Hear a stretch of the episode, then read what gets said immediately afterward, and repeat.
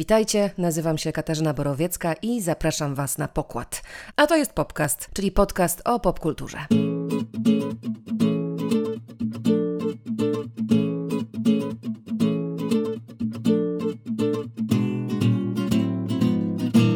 Pewnych zmian nie da się cofnąć, tu puszczam oko do wtajemniczonych, ale podcast nabiera wiatru w żagle, a na co dzień moje rekomendacje i komentarze znajdziecie na facebookowym profilu podcastu, kiedyś ABC Popkultury.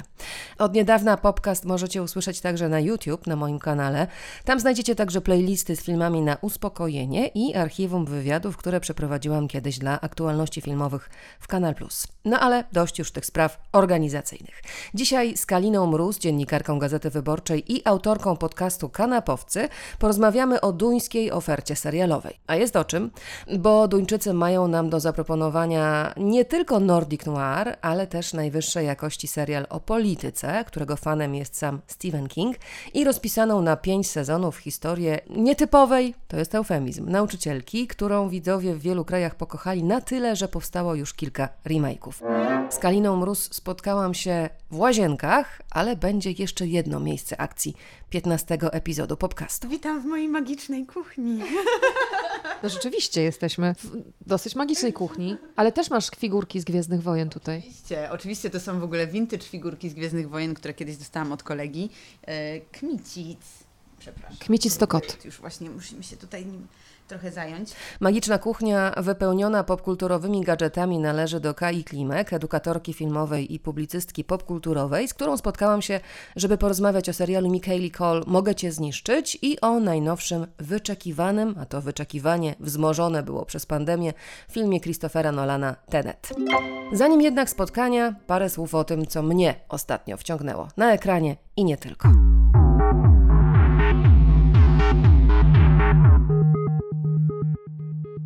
Ledwie zaczął się wrzesień, a już sypnęło premierami serialowymi, które przytrzymają nas przy ekranach przez kolejne tygodnie. Na Prime Video rozpoczął się drugi sezon serialu The Boys. Dostaliśmy na razie trzy odcinki tej produkcji, zainspirowanej komiksem Gartha Enisa i Derricka Robertsona. Showrunner Eric Kripke i jego ekipa nie zwalniają. Do Karla Urbana, Jacka Quaida, Antoniego Stara dołącza w drugim sezonie innymi Aya Cash jako Stormfront, nowy nabytek superbohater bohaterskiej siódemki, stojącej na straży porządku i amerykańskich wartości, przynajmniej oficjalnie. Na marginesie dodam, że Stormfront w komiksowym oryginale był mężczyzną, więc ciekawie się tu rozkładać może zmieniona dynamika między postaciami. Homelander już ma z bezczelną Stormfront spory problem, ale im więcej Homelander ma problemów, tym większa satysfakcja dla widza. A w roli Stormfront znakomita jak zawsze Aya Cash. Jeśli nie znacie serialu You're the Worst, w którym zagrała główną rolę, to warto nadrobić przy najbliższej nadarzającej się okazji. Przed każdym odcinkiem e, The Boys pojawiają się ostrzeżenia co do zawartości i pewnie słusznie, bo z jednej strony słupki, czyli w najlepszym przypadku zgorzkniali i rozczarowani rzeczywistością, a w gorszym cyniczni, zepsuci, niekiedy sadystyczni do szpiku superbohaterowie, a z drugiej strony chłopaki plus jedna dziewczyna, którzy stawiają im czoła, możliwości i zasięgi rażenia mają naprawdę niebotyczne, więc i demolka bywa epicka, straty w ludziach są znaczące, i co tu dużo mówić, twórcy dbają o to, żeby dokonywały się w sposób spektakularny. Ja po tych trzech odcinkach czekam niecierpliwie na kolejne. Jedno ostrzeżenie ode mnie. Może się do Was przykleić piosenka You Are So Beautiful i może Wam się przypomnieć biblijna historia o Jonaszu we wnętrznościach wieloryba. To jest ryzyko wliczone w tę wściekle dobrą zabawę, a ja już kończę wątek The Boys, bo i tak za dużo powiedziałam. Kolejna premiera serialowa, o której nie sposób nie wspomnieć, to Wychowane przez Wilki na HBO. Tutaj też emocje są dawkowane, udostępniono na razie trzy odcinki i już zwiastuny zapowiadały klimatyczną i wciągającą opowieść o próbie odtworzenia ludzkiej cywilizacji na niezbyt przyjaznej planecie. Dwa androidy, matka i ojciec, wychowują a może mm, warto powiedzieć, hodują ludzkie dzieci na planecie Kepler 22b, po tym jak Ziemia została zniszczona w wojnie między ateistami a fanatykami religijnymi. Mamy tu więc napięcie na linii sztuczna inteligencja a skłonność człowieka do szukania pocieszenia w wierze. Do tego absolutnie nieziemskie pod każdym względem pejzaże, kręcone w południowej Afryce i świetnie napisane postaci. Na serial stworzył Aaron Guzikowski, który ma na koncie innymi scenariusz filmu Labirynt Denisa Villeneuve'a. To był, e, przypomnę, kryminalny thriller z Hugh Jackmanem i Jake'em Gyllenhaalem o ojcu szukającym porwanej córeczki. Nazwisko Guzikowski myślę warto zapamiętać, ale jest jeszcze kilka mocnych i bardzo znaczących nazwisk związanych z tym projektem. Ridley Scott jest producentem serialu i wyreżyserował dwa pierwsze odcinki. Dariusz Wolski, polski operator pracujący od lat w Hollywood, jest autorem zdjęć do serii, a w rolach głównych sam Ragnar Lodbrok, czyli znany z Wikingów, powracający na mały ekran Travis Fimmel, jest Abu Bakr Salim, e, aktor, którego możecie znać z ekranu z takich produkcji jak Fortitude czy Black Mirror, ale jego głos doskonale znają gracze, bo to bajek z Assassin's Creed Origins z 2017 roku, z wersji angielskiej. Jest jeszcze Amanda Collin, duńska aktorka w roli matki, androida, który skrywa wiele tajemnic i już na przestrzeni tych trzech odcinków, które dostaliśmy, okazuje się jedną z najbardziej złożonych postaci nieorganicznych, jakie widzieliśmy na ekranie. To jest cytat z jednej z recenzji. Świetny materiał e, wyjściowy i świetna rola Amandy Collin. Bardzo jestem ciekawa, jak ta historia potoczy się dalej. Serial Wychowane przez Wilki ma 10 odcinków. Przez kolejne tygodnie będziemy co tydzień dostawali po dwa. Jeśli chodzi o seriale, to jesień szykuje się bardzo interesująca, bo i Dzień Trzeci, miniserial HBO, który podąża za dwójką granych przez Judah Law i Naomi Harris bohaterów, premiera 15 września, i Także w HBO też od 15 września tacy właśnie jesteśmy. Ośmiodcinkowa opowieść o dorastaniu dwójki amerykańskich nastolatków w bazie wojskowej USA we Włoszech. Luca Guadagnino, najbardziej amerykański z włoskich reżyserów za kamerą, a w obsadzie obok młodzieży, m.in. Chloe Sevigny. Netflix też nie ustępuje oczywiście, bo jest już e, całkiem niezły młody Wallander. We wrześniu dostaniemy Ratchet z Sarą Paulson od Ryana Murphy, ale trzeba przyznać, że jeśli chodzi o Netflix, to wrzesień należy jednak do premier filmowych. Może pora z tym skończyć Charlie'ego Kaufmana ze zdjęciami Łukasza Żala i znakomitą obsadą. Temu filmowi bliżej przyjrzymy się w jednym z następnych odcinków podcastu, ale przed nami też bardzo świeżo się zapowiadająca błyskotka z Millie Bobby Brown, Heleną Bonham Carter, Samem Claflinem i Henry Cavillem, czyli Enola Holmes i najeżony nazwiskami gwiazd młodego pokolenia Diabeł Wcielony z Tomem Hollandem, Robertem Pattinsonem, Billem Skarsgardem, Miją Wasikowską i Eliza Scanlon. A przy okazji, skoro padło nazwisko Cavill, warto wspomnieć, że chociaż droga do drugiego sezonu Wiedźmina jeszcze daleka, to można zajrzeć za kulisy prac nad sezonem pierwszym, bo każdy odcinek dostał ostatnio insiderskie omówienie.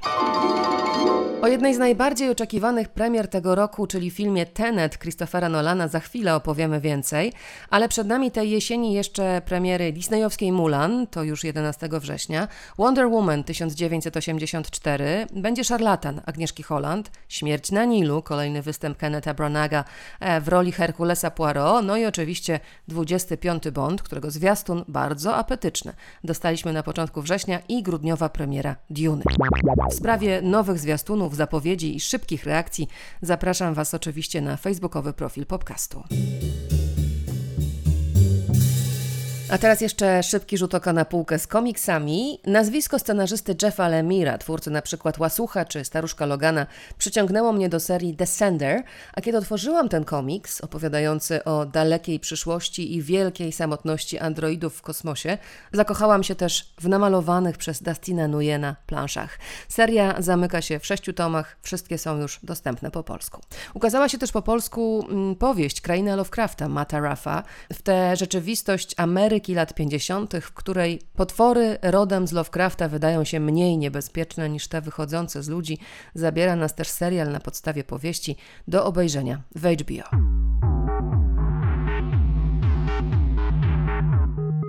Platformy streamingowe, oprócz tego, że wciągają jak wir i przez nie zarywamy noce i tracimy przed ekranem słoneczne dni, bo Jak wiadomo, cliffhangery nie dają nam spokoju, dały nam również dostęp do produkcji z krajów niedoreprezentowanych w telewizyjnych ramówkach, choć oczywiście są chlubne wyjątki. Do tych nieanglojęzycznych historii z nieopatrzonymi twarzami aktorów ja sięgam bardzo chętnie i będziemy do nich sięgać także w podcaście, a dzisiaj kierunek północ. O duńskich produkcjach rozmawiałam z dziennikarką kulturalną Gazety Wyborczej i autorką podcastu Kanapowcy Kaliną Mróz.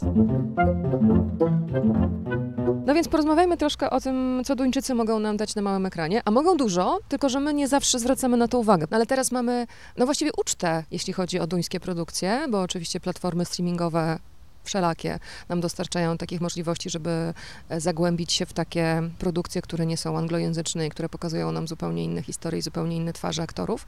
A Duńczycy mają sporo do zaproponowania. To może od polityki zacznijmy. E, no tak, serial Rząd, rzecz jasna, Borgen. Nie, jakby nie przeczytam tego po duńsku, ponieważ nie znam duńskiego. Jest to na tyle trudny język, że nawet bym nie próbowała, nie ośmieliłabym się. Nasi tłumacze przetłumaczyli to jako rząd, w rzeczywistości znaczy to zamek po prostu, dlatego że siedziba rządu duńskiego w Kopenhadze ma formę zamku e, i tam się dzieje lwia część e, tego właśnie serialu, który jest doskonały. To znaczy ja mam wrażenie, że w ogóle sekret duńskich seriali polega na doskonałym scenariuszu przede wszystkim. On to, to jest punkt wyjścia, e, który się sprawdza również w remake'ach. To widać, to jest dowód, że, że te scenariusze są dobre, bo remake'i też wychodzą. Ale właśnie rząd od samego początku trzyma nas w napięciu. Ja sobie właśnie teraz przypomniałam dzięki jednej z platform streamingowych ten serial, który oglądałam chyba z 10 lat temu w telewizji po prostu, odcinek za odcinkiem raz w tygodniu i się sama zaskoczyłam, że po prostu wbiło mnie w fotel, usiadłam i oglądałam przez kilka kilka godzin i odcinek za odcinkiem, serial, który dobrze znam tak naprawdę. I na czym ten fenomen polega rządu? No, na tym chyba, na bohaterce po prostu. Mam wrażenie, że, że to też o to chodzi. Oprócz tego, że właśnie już od pilota tam się dzieją takie rzeczy, że, że nas to od razu trzyma w napięciu po prostu, bo tam się i jakaś taka, no zdarza się śmierć, zdarzają się zaskakujące zwroty akcji, ale też mamy tę bohaterkę, z którą bardzo łatwo się utożsamić. To jest właśnie szefowa premierka, świeżo wybrana premierka, zresztą w zaskakujących e, okolicznościach, e, która od początku budzi naszą sympatię i ufamy, budzi nasze zaufanie. E, zwykła kobieta po prostu sympatyczna, normalna babka, która tutaj się przyznaje publicznie, że nie mieści się w sukienkę, ma męża, ma dzieci, bardzo udane życie rodzinne. E, to nie jest taka osoba, która całkowicie się poświęca na początku przynajmniej polityce. No i potem obserwujemy proces tego, jak ta polityka ją zżera, pochłania, jak ją zmienia też. E, z tej sympatycznej pani ona musi się zmieniać w Machiavellego. Zresztą każdy z odcinków się zaczyna od e, cytatów z księcia. Na czym polega władza, jak trzeba się ubrudzić, żeby być dobrym władcą, żeby mieć tę władzę. No i obserwujemy, jak no właśnie polityka ją no, zabiera i wszystko, co ma, y, krok po kroku. Y, y, mimo, że ona tego nie chce wcale, ona tego nie planowała, była pewna, że ona się ochroni. No i czym tak, tak naprawdę ta polityka jest? Jest to bardzo mądrze, bardzo lekko też opowiedziane.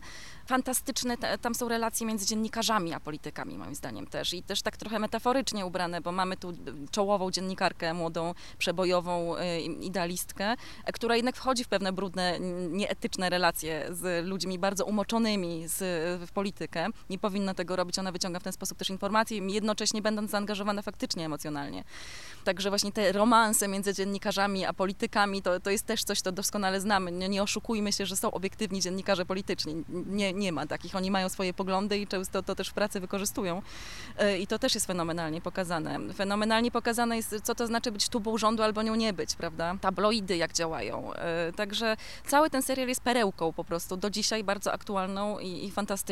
Ja bym jeszcze dodała, że oczywiście świetna obsada to jest jeszcze dodatkowy, e, dodatkowy atut. Mnóstwo nagród ten serial, nawet BAFTA dostał za serial e, zagraniczny, ponieważ też właśnie Wielkiej Brytanii bardzo się podobał. Gdzieś wyczytałam też, że w 2012 roku Stephen King, kiedy przygotowywał e, listę swoich ulubionych seriali, to właśnie rząd był w tej pierwszej dziesiątce u Stephena Kinga, więc to już o czymś świadczy, bo tutaj rzeczywiście, tak jak powiedziałaś, tu nie ma Franka Underwooda, ale to i tak właściwie nawet chwilami jest bardziej emocjonujące. Śledzenie tych wszystkich manipulacji i śledzenie tych wszystkich strategii, w które tam bohaterowie muszą wchodzić, żeby osiągnąć swój cel, fascynujące. A z drugiej strony y, inny serial duński, który też, myślę, bardzo się podoba publiczności, chociaż też zauważyłam w recenzjach, że, że, że oceniany jest y, nierówno od pierwszego sezonu, ale ja akurat y, oddałam serce Ricie jako nauczycielce, specyficznej bardzo i tutaj jest też świetna Mile Dinesen, aktorka, która ma niesamowitą charyzmę i przyciąga przed ekran w, w serialu Rita w głównej roli. Tutaj mamy zupełnie inne środowisko, ale też sporo różnych takich strategii i manipulacji w każdym odcinku jest. Tak, punkt wyjścia jest też bardzo ciekawy. Pomysł na ten serial jest bardzo ciekawy, ponieważ mamy bohaterkę Britę Madsen, nauczycielkę, która zachowuje się tak jak bardzo niepoprawna uczennica tak naprawdę. Jeżeli wyobrazimy sobie uczennicę, która w szkole sprawia kłopoty, byłaby to Rita. Czyli pije, pali, rozrabia, marzy długopisem w toalecie nawet, yy, przeklina, łamie wszelkie zasady, robi wbrew rodzicom tych dzieci, których, które uczy różne rzeczy, ponieważ jak sama mówi głośno, została nauczycielką po to, żeby chronić dzieci przed ich rodzicami albo ratować je wręcz przed y, decyzjami rodziców. Y, Także jest to bardzo ciekawa bohaterka, która od początku nas zaskakuje. Zaskakuje właśnie tym, tą niepoprawnością swoją. Zaskakuje też w kontekście Skandynawii, no bo Skandynawia nam się kojarzy jednak z zasadniczością, prawda? Z takimi, z trzymaniem się reguł, z nieprzekraczaniem różnych granic, z karami za różne rzeczy też, prawda? Takimi naprawdę, naprawdę ostrymi. A tutaj ta Rita jest bardzo nieskandynawska. Ja pamiętam nawet jako mój kolega, który mieszkał akurat w Szwecji. Zresztą Szwecja się pojawia w piątej serii Rity i jest to napięcie między Danią a Szwecją może wyjaśnione dla kogoś, kto tam bardziej jest zaznajomiony z tymi kulturami. Ale właśnie jest to, jest to zestawienie właśnie tej niepoprawnej Rity z taką już bardzo ostrą szwedzką zasadniczością, więc może w Danii jest po prostu trochę luźniej. E, Natomiast mój kolega właśnie stwierdził, że jemu się ten serial nie podoba, bo ta Rita jest taka nieskandynawska, że ona taka jest inna. W każdym razie, no i właśnie mamy taką nauczycielkę, niegrzeczną dziewczynę, e, która wygląda taka chłopczyca, zbyt obcisłe dżinsy, długie włosy, e, zawsze zresztą ubrana tak samo, bardzo nonszalancka, która uczy małe dzieci ma być dla nich wzorem. Jest świetna w tym, co robi zresztą, jest doskonałym pedagogiem. Tak, i e, to też jest serial, który mówiłaś o tym, że się świetnie sprawdzają duńskie, a w ogóle skandynawskie produkcje w remake'ach, no bo to są świetne scenariusze. Zresztą przypomnijmy e, Polski Pakt z Marcinem Dorocińskim, to też przecież był format duński, chyba to się nazywało Mamona e, w, w oryginale. Zresztą pół Europy robiło pakt w swoich wersjach językowych i w swoich wersjach narodowych, ale też Rita była remakeowana, była, było podejście we Francji, było podejście w Holandii, ale też Amerykanie s- słyszałam, że z Liną Headey mają robić w głównym i zresztą em, tak, Showtime ma to robić i z, e, z e, showrunnerem duńskim jako jednym z producentów. No ale to porozmawiamy też o innych, bo oczywiście to są te, które jakoś ostatnio wskoczyły, albo em, Rita ma ostatni sezon, piąty,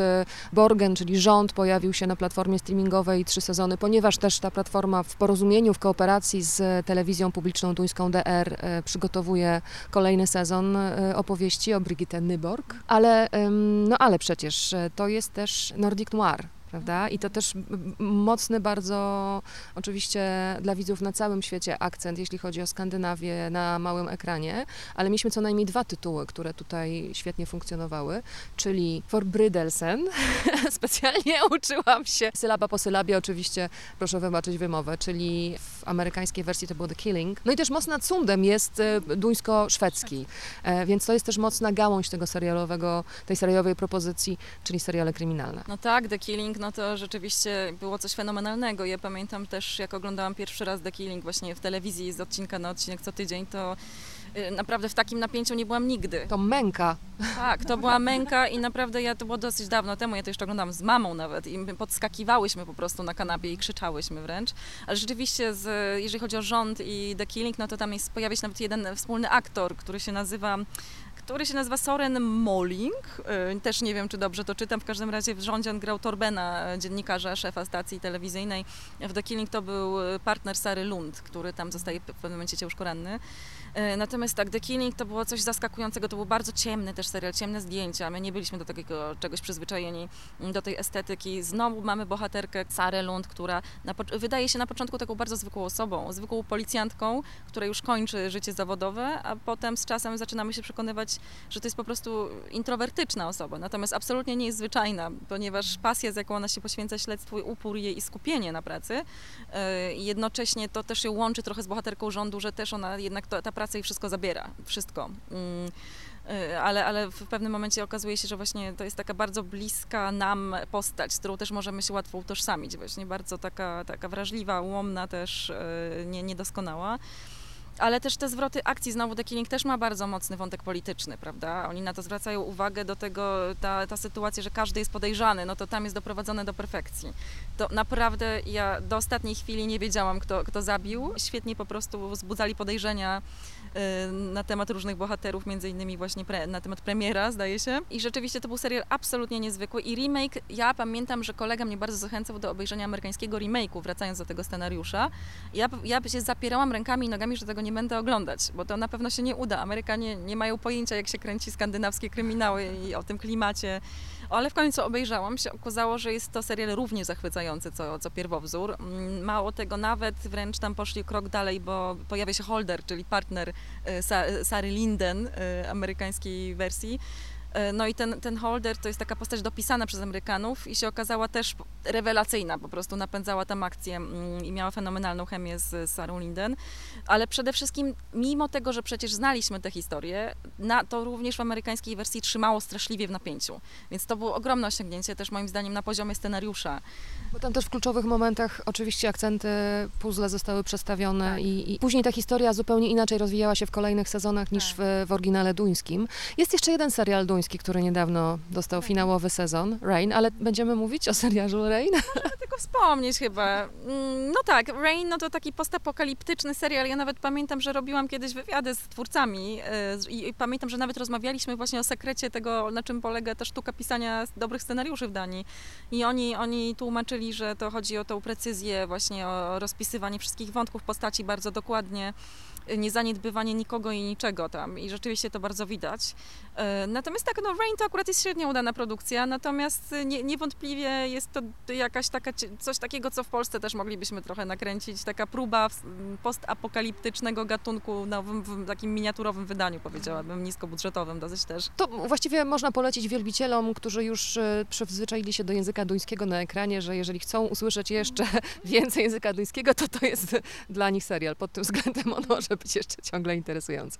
Ale jeszcze kończąc wątek duńskich seriali, bo oczywiście to już teraz do wyboru, do koloru, to Państwo sobie wybiorą od czego zacząć i w co się wgryzać, ale na co teraz czekasz najbardziej? Co z, z tych rzeczy, które się pojawią powiedzmy od września mm, e, wydaje Ci się najgorętsze? Na pewno czekam na serial e, Luki Guadagnino, mm, We Are Who We Are, jest angielski oryginalny tytuł. E, czyli reżysera Call Me By Your Name, Tamte dni, tamte noce, polski tytuł, prawda, e, film kultowy już można tak brzydko powiedzieć na pewno. To będzie historia w stylu, znowu użyję angielskiego sformułowania, niestety coming of age, czyli wchodzenia w dorosłość, o nastolatkach, o dojrzewaniu. Zwiastun wygląda przepięknie, jestem bardzo, bardzo tego ciekawa. E, ale druga premiera, na którą czekam chyba najbardziej, e, bo to jest nasz, e, nasze rodzime podwórko, to jest Król. Na podstawie Szczepana Twardocha w reżyserii Jana P. Matuszyńskiego to będzie produkcja Kanal Plus. I rzeczywiście zwiastun wygląda bardzo imponująco. Jestem naprawdę ciekawa, czy wreszcie się uda zrobić solidny polski serial kostiumowy, bo to jest nasza pięta achillesowa, mam wrażenie, że zawsze coś tam nie grało, wyglądało niedobrze. Natomiast y, dochodzą plotki z różnych stron. Y, nie powinna może się powoływać na plotki, no ale tak się mówi, że bardzo to jest wycezylowana produkcja, że rzeczywiście reżyser był nie, nieprawdopodobnie wymagający. Trwało, zdjęcia trwały bardzo długo, postprodukcja też zresztą zapowiada się to na coś, co będzie prawdziwą petardą rzeczywiście. Na to, na to najbardziej czekam. Król na podstawie Szczepana Twardocha w reżyserii Jana P. Matuszyńskiego i z Michałem Żurawskim w roli głównej to jedna z polskich premier tej jesieni, rzeczywiście bardzo oczekiwana, a czeka na nią innymi Kalina Mróz.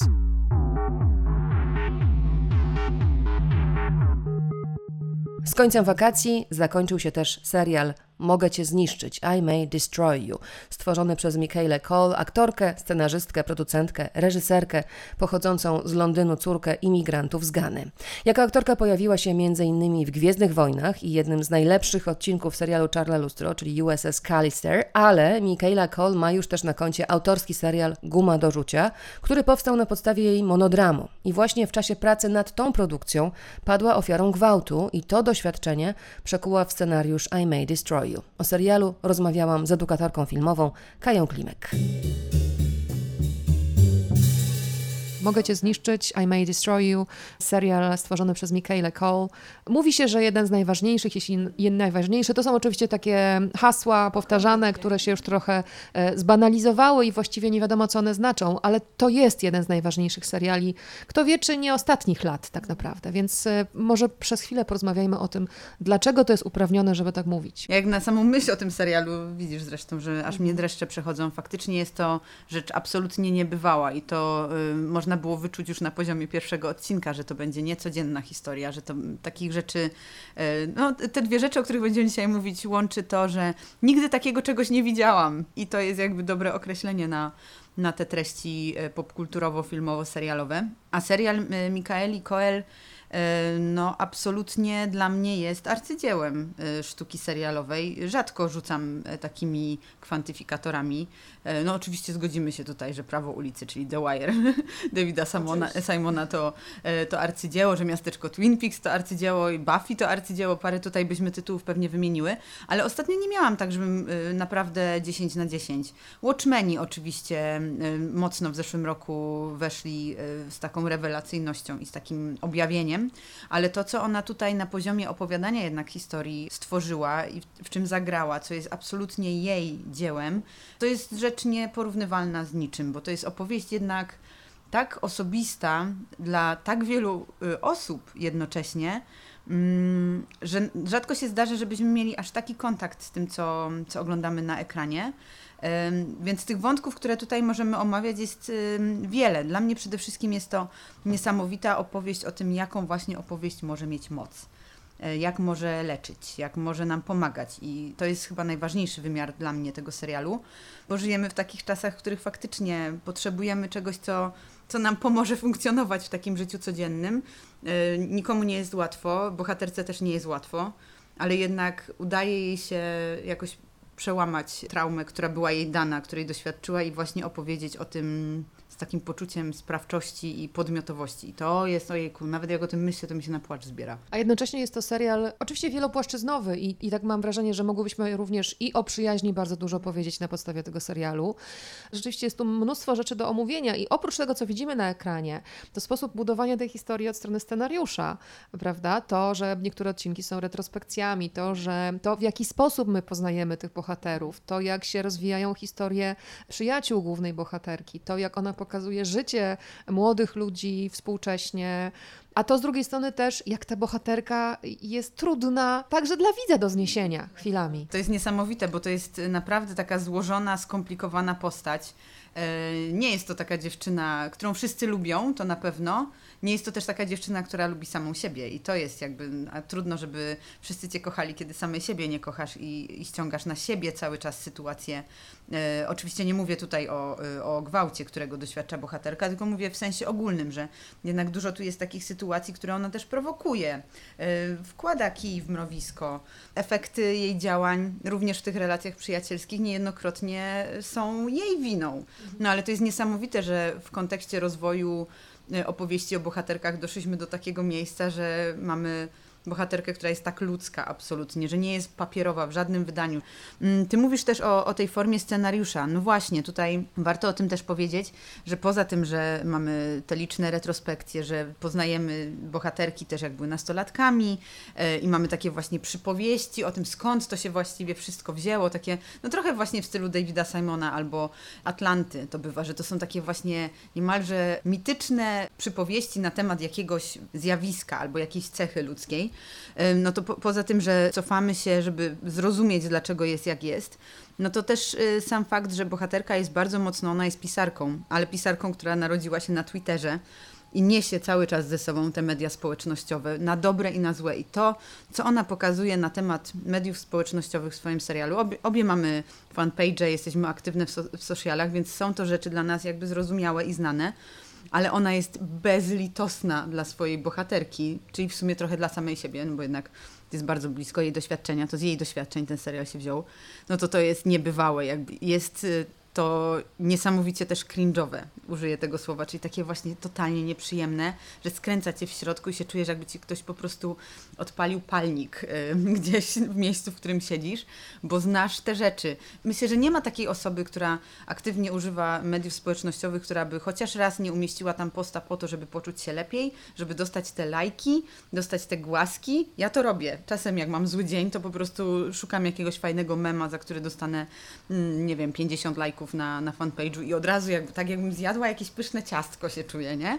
Więc jakby znamy te doświadczenia, a tutaj jednocześnie nie dotyczy to, nie wiem, fajnych, śmiesznych memów, tylko ujawniania prawdy o sobie i sw swoich doświadczeniach bardzo traumatycznych, więc ta granica tutaj jest tak często przekraczana, mm, że to się bardzo trudno momentami też ogląda. I dodałabym jeszcze jedną rzecz, która, bo my tutaj sobie siedzimy, e, oczywiście ty mówiłaś o tych kwestiach związanych z rasą.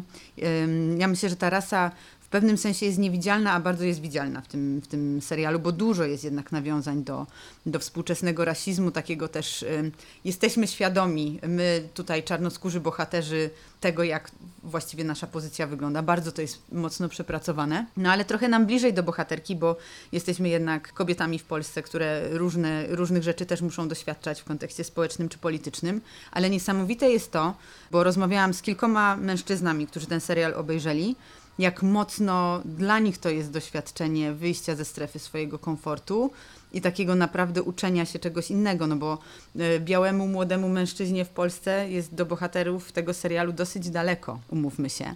A ta powalająca, niesamowita moc tego serialu wpływa również na nich i, i mega im daje do myślenia. Jest to droga przez mękę, bo i takie opinie słyszałam, że oglądanie tych odcinków było po prostu straszne, że musieli to robić na raty bo nie byli w stanie jakby znieść niektórych rzeczy, które tam się na ekranie pokazują, ale że ostatecznie jest to jednak gigantyczna lekcja, taka życiówka.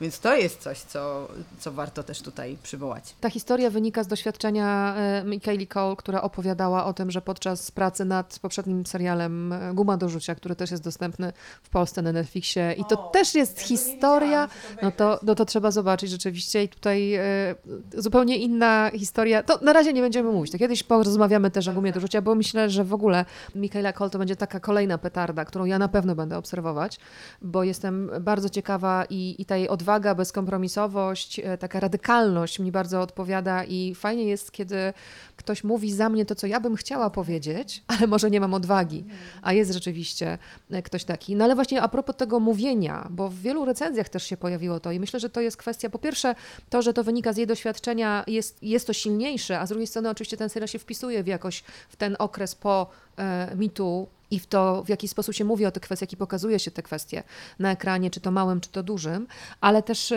w wielu recenzjach, w wielu komentarzach do tego serialu zwraca się uwagę na to, że w ogóle ci bohaterowie sami często muszą szukać informacji, czy to, co ich spotkało, da się zakwalifikować e, jako przestępstwo, ale też ważna kwestia języka, którym my mówimy o tego typu e, sytuacjach, tego typu e, wydarzeniach, że my tego języka nie mamy tak naprawdę. Tak, dla mnie to w ogóle też ostatnio z kimś o tym rozmawiałam, że to jest właściwie też serial trochę o edukacji seksualnej w takim wydaniu dla dorosłych, niekonie- chociaż właściwie dla każdego, bo nie wiem, czy oglądanie tego serialu, kiedy się jest bardzo młodą osobą, wczesną nastolatką, czyli wtedy, kiedy teoretycznie chodzi się na zajęcia z edukacji seksualnej, albo się poznaje w ogóle to zagadnienie, czy to jest dobry e, wybór. Myślę, że raczej Sex Education na Netflixie to jest ten level 101, czyli podstawowy, to trochę później, ale to też jest właśnie niesamowite, że często y, w, ty, w tym serialu, i to nie dotyczy tylko y, postaci bohaterki, ale i przyjaciół, przyjaciół przyjaciółki, przyjaciela, którzy tam też różnego rodzaju doświadczenia w relacjach seksualnych mają, że oni sami właściwie często nie zdają sobie sprawy, w jakich sytuacjach biorą udział. Przecież tam jest ta niesamowita scena, może nie będę tutaj spoilować, ale kiedy sama Terry y, dowiaduje się, co, że coś, z czego była do tej pory dumna, być może wcale nie jest y, takie jednowymiarowe i takie super, jak jej się wydawało do tej pory, y, bo po prostu kwestia perspektywy się zmienia. I to jest niesamowita też moc tego serialu, że potrafi te historie, które my jakby z automatu, stereotypowo postrzegamy tak, pokazać z tej drugiej strony, żeby jednak, nie wiem, dać nam jakąś, jakiś taki wgląd w to, jak skomplikowany jest ten świat wokół nas, że znamy oczywiście to określenie he said, she said, nie? że w zależności od tego, kogo posłuchamy, to każdy nam opowie inną historię, no ale jeśli chcemy, żeby te historie wszystkie miały rację bytu, to musimy się otworzyć na różnorodne perspektywy jednocześnie, a nie na to, kto ma rację. I pod tym względem ten serial znowu też ma niebywałą moc, bo pokazuje, że nie ma jednej prawdy. I nawet w tak konkretnej opowieści o doświadczeniu bohaterki też się okazuje, że ona sama tą jedną prawdę jest w stanie w różne sposoby sobie samej opowiadać. Nie? Ja tak krążę wokół tego, bo sobie zdaję sprawę, że nie wszyscy ten serial widzieli, a szkoda by było jednak pokazywać, że w tym odcinku dzieje się to i to mam na myśli, ale mam oczywiście też na myśli odcinek finałowy w którym y, faktycznie tak to jest opowiadane, że nie ma jednej odpowiedzi na, na, y, na tę sytuację. I w tym sensie to mi się wydaje bardzo taką opowieścią na nasze czasy. Y, zrobię trochę off-top, mam nadzieję, że tutaj przyzwolisz na to, bo um, ostatnio mnie w ogóle bardzo interesuje, jakie historie chciałabym słyszeć, jakie historie wydaje mi się, że warto opowiadać bo y, faktycznie czasy, w których żyjemy, są katastrofalne bardzo mocno. No to jest to słowo, nie? Żyjemy w jakiejś takiej rozciągniętej katastrofie. Oczywiście mam na myśli i pandemię, i zanieczyszczenie środowiska, katastrofę klimatyczną, zakwaszenie mórz, topnienie lodowców, wszystkie te rzeczy. E, jakby rozpad relacji, to, że jest kryzys społeczny i tak dalej, i tak dalej. No tutaj bym mogła wymieniać te rzeczy. Napięcia rasowe, napięcia między prawicą a lewicą, coraz gigantyczniejsze. No i się zastanawiam, jak twórcy, co twórcy nam mogą, artyści, opowiadać w tych czasach, żebyśmy faktycznie e, mieli nie tylko takie wizje dystopijno-cyberpunkowe, że świat się kończy, tylko żebyśmy mogli czerpać siłę z nich i, nie wiem, robić coś przekuwać opowieść w jakieś pozytywne działanie.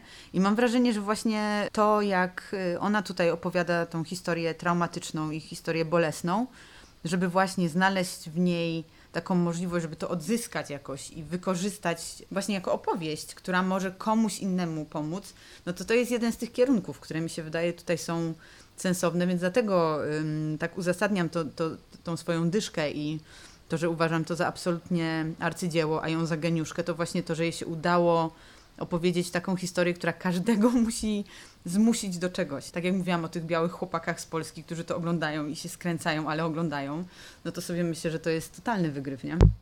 Z pewnością będę obserwować dalsze przedsięwzięcia Michaeli Cole. Warto też wspomnieć nazwiska Werucze Opia i Papa Esiedu. To są aktorzy grający przyjaciół Arabeli, głównej bohaterki serialu Mogę Cię zniszczyć. Ale my tymczasem, zostając w kuchni Kai Klimek, zmieniamy temat. Od kinowego wizjonera, który dał nam Memento, Prestige, Incepcję, Interstellar i trylogię o Mrocznym Rycerzu, po kilku spowodowanych pandemią opóźnieniach premiery dostaliśmy wreszcie film o czasie. Ten reżyser to Christopher Nolan, a ten film to Tenet.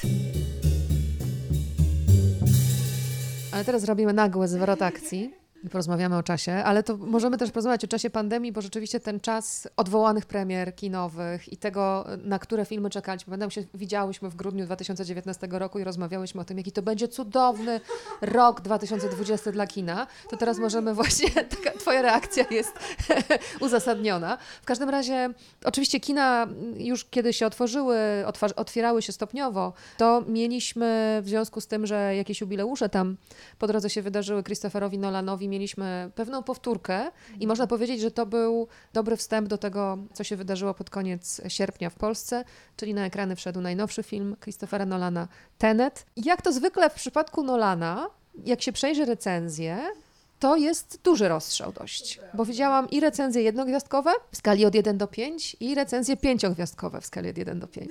Jaki jest, ty widziałaś już dwa razy, tak, y, więc chyba domyślam się, jaka jest twoja recenzja. No, y, dla mnie to jest 9 z serduszkiem. Nie 10, y, bo dla mnie jeśli chodzi o arcydzieła Christophera Nolana, no to myślę, że w konstrukcji to Incepcja, a w opowieści to Prestige. To są, e, no oczywiście ktoś powie, o Mroczny Rycerz, no jasny Mroczny Rycerz, ale ja jestem tą, co sprzedała serce Mroczny Rycerz powstaje, więc jakby tutaj niestety jest tak, że jak myślę o, o trylogii, no to jednak tamten film.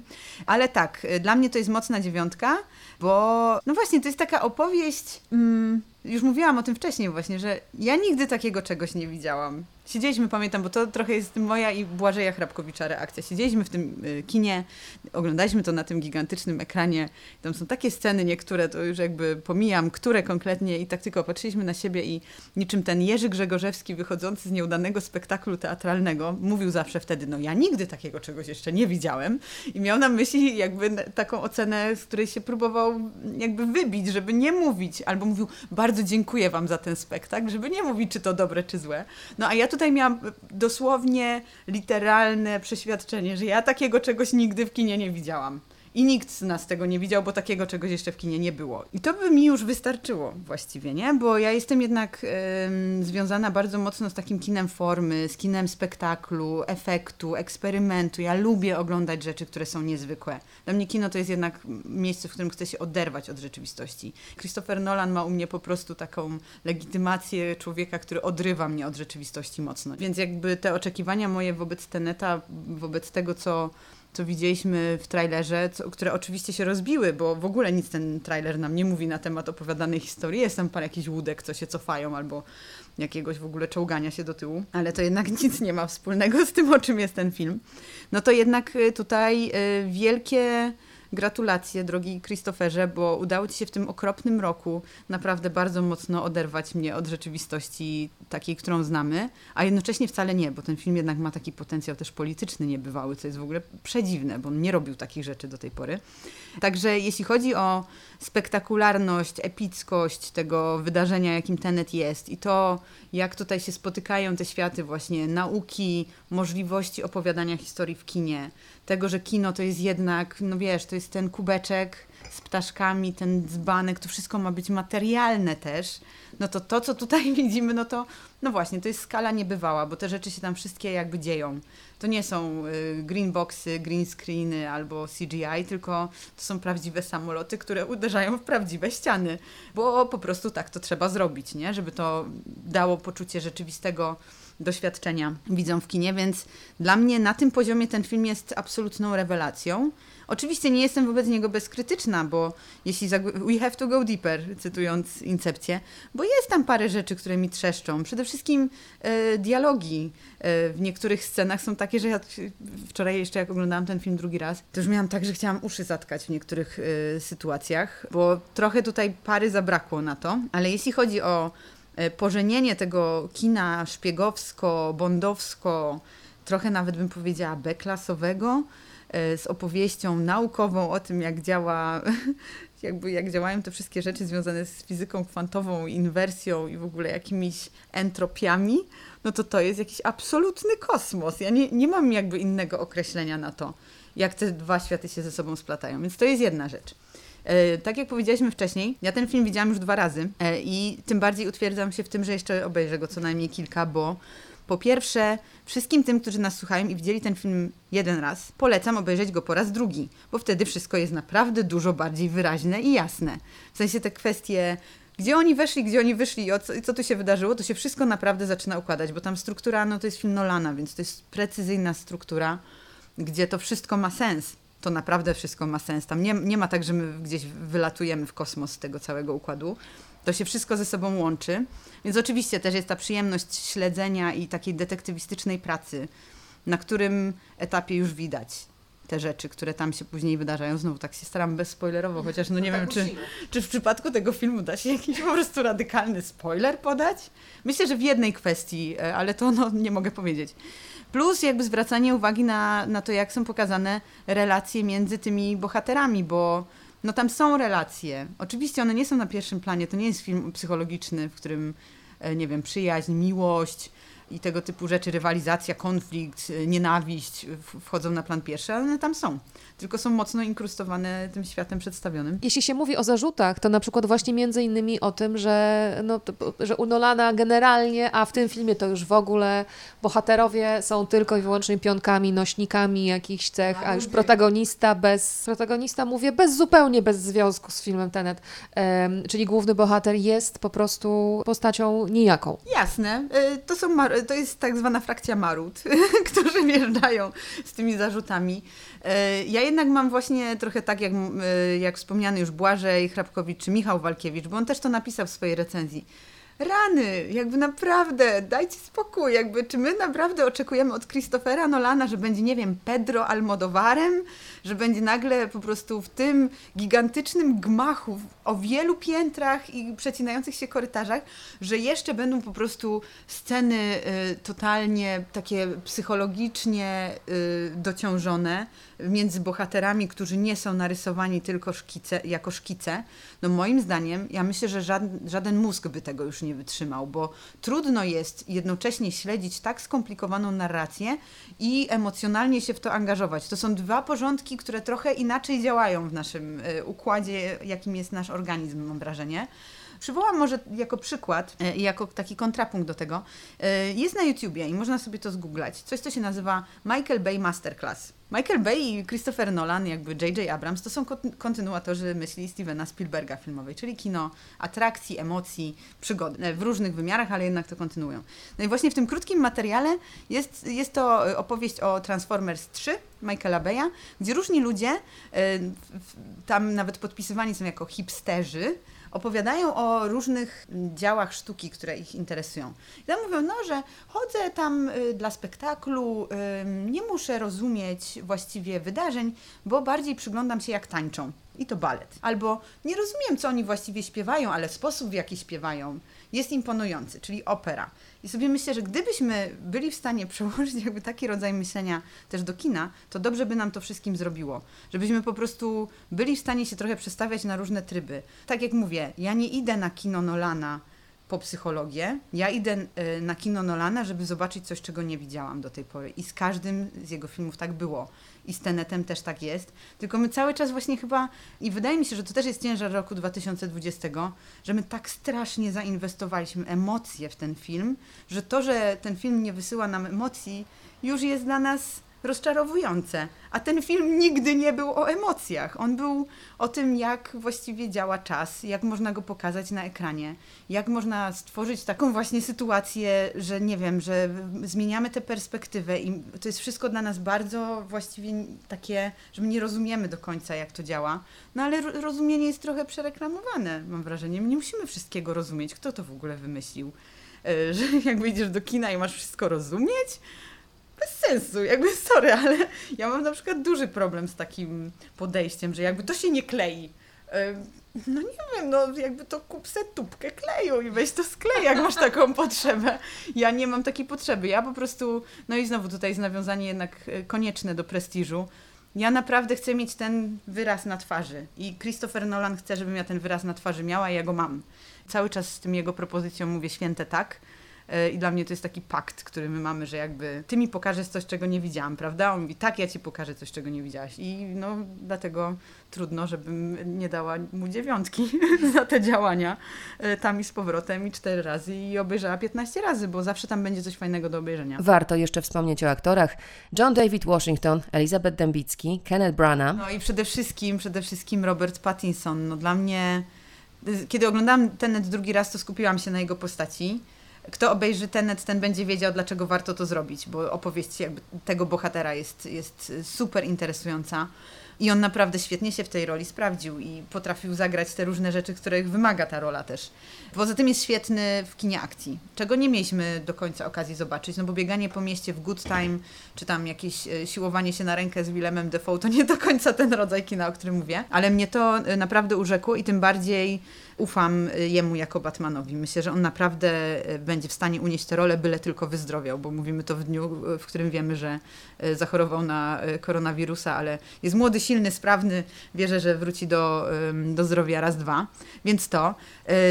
John David Washington, porozmawiajmy chwilę o nim, bo nie wiem jak ty na niego patrzysz, bardzo też jestem ciekawa, ale dla mnie, pamiętam jak oglądałam ten film pierwszy raz i tak siedzę sobie w tym kinie i on jakby jest tym agentem i robi te wszystkie rzeczy i ja nagle łapię się na tym i to jest też chyba to, o czym e, trochę rozmawiałyśmy w kontekście e, Mogę Cię zniszczyć, że nagle sobie zdaję sprawę, że poza jego ojcem i Willem Smithem, czyli poza Denzelem Washingtonem i Willem Smithem, to rzadko widujemy w tak nasyconym, wysokobudżetowym kinie akcji czarnoskórego aktora. I miałam takie, że wow, jakby przecież normalnie to on byłby biały. I mam takie, że przecież zagrałby go, no nie wiem, jakiś współczesny Daniel Craig, Bruce Willis czy ktoś tam. A tutaj mamy jednak młodego, niskiego, 1,75 m, e, gościa, który ma w sobie dużo takiego szarmu i uroku i też poczucia humoru bo ja się nie zgadzam z tym, że on jest drewniany. To, to jakby to nie jest, nie jest to. Kto uważa, że to drewniany aktor, zachęcam, żeby wrócić do filmu Spike Lee. E, Black Clansman e, i sobie zobaczyć, że to jest naprawdę dobry aktor i że tutaj ten świat, w którym on funkcjonuje i jego niewiedza na temat mechanizmów, to jest to, co niektórzy nazywają drewnem w tym filmie. Więc dla mnie to jest w ogóle świetne. Plus jakby on w zestawieniu z Elizabeth Debicki, nazwijmy ją tak, która jest od niego wyższa o dwie głowy i ta relacja też jest przedziwna. To wszystko się niesamowicie jakby dla mnie na tym e, poziomie aktorskim też układa. Także ja y, bardzo miałam duże używanie. Plus inkrustacja Michaelem Kane'em i Aaronem Johnsonem, który jak się pojawia w swojej pierwszej scenie, to ja aż zamarłam, bo nie wiedziałam, że on tam będzie. Więc to była też duża niespodzianka, więc tak, no, dla mnie na tym poziomie aktorskim też niesamowicie to działa. Ja się przez cały film z kolei zastanawiałam, czy, czy Kenneth Branagh mnie bardziej denerwuje, czy bardziej mi się podoba, bo rzeczywiście ta rola już taka na, na granicy parodii i i w sumie chyba moja, mój sentyment do Kenneta Brana y, niech tutaj wygra i powiedzmy, że... Ja się go bałam. Szczerze mówiąc, jak tam mówi niektóre rzeczy o tych tygrysach i ściąga ten pasek, to ja miałam dreszcze strachu. To jest siła rosyjskiego akcentu.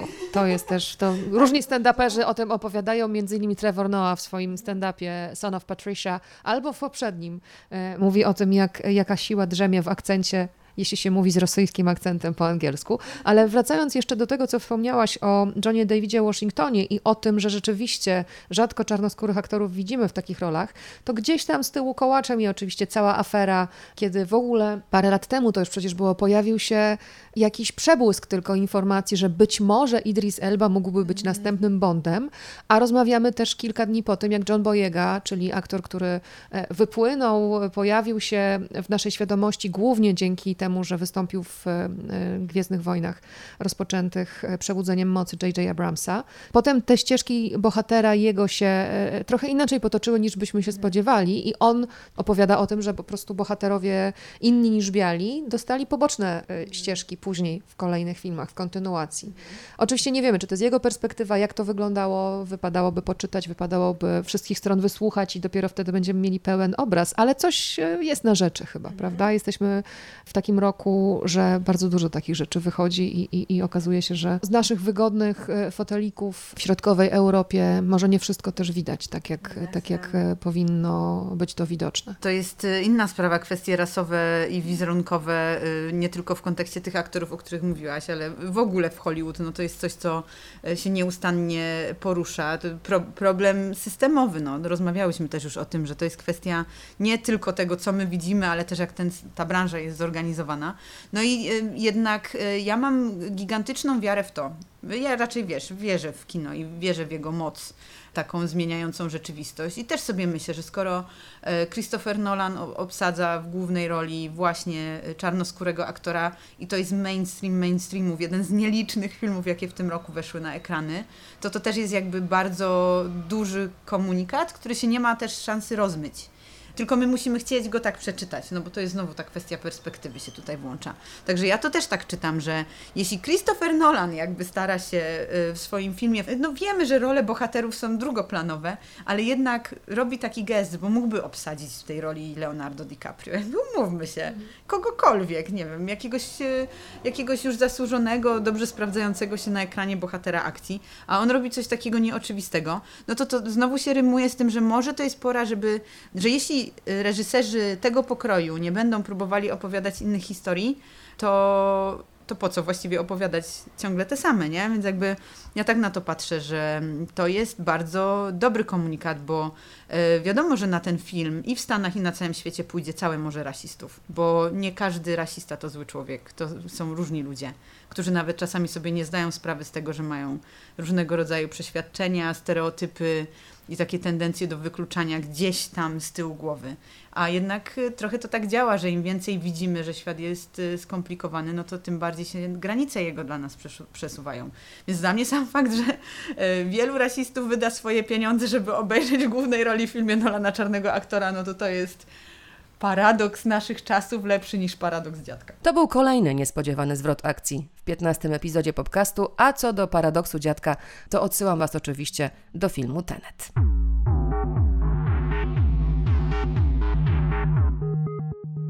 Przed nami kolejne jesienne premiery i kolejne epizody podcastu. Ja w najbliższym czasie z pewnością sięgnę po książkę Ronana Farrow Złap i ukręć łeb.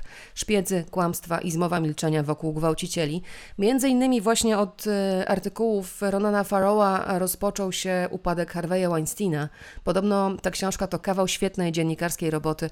Wciąga jak szpiegowski thriller, ale jest tym bardziej przerażająca, że nie jest fikcją. A z innej beczki w połowie września premiera drugiego tomu komiksu Michała Śledzińskiego Czerwony pingwin musi umrzeć. Michał zabiera nas w kosmos w swoim niepodrabialnym stylu, a porozmawiamy o tym w szesnastym epizodzie podcastu. Podcast jest na Spotify, SoundCloud, iTunes i w aplikacji podcasty, a ostatnio także na YouTube. Moje codzienne rekomendacje znajdziecie na facebookowym profilu podcastu, a psoce też na Instagramie. I to już wszystko na dziś. Muzykę do podcastu zapewnił po starej znajomości Łukasz Borowiecki, a ja nazywam się Katarzyna Borowiecka. Cała naprzód. Do usłyszenia. Niech moc będzie z Wami.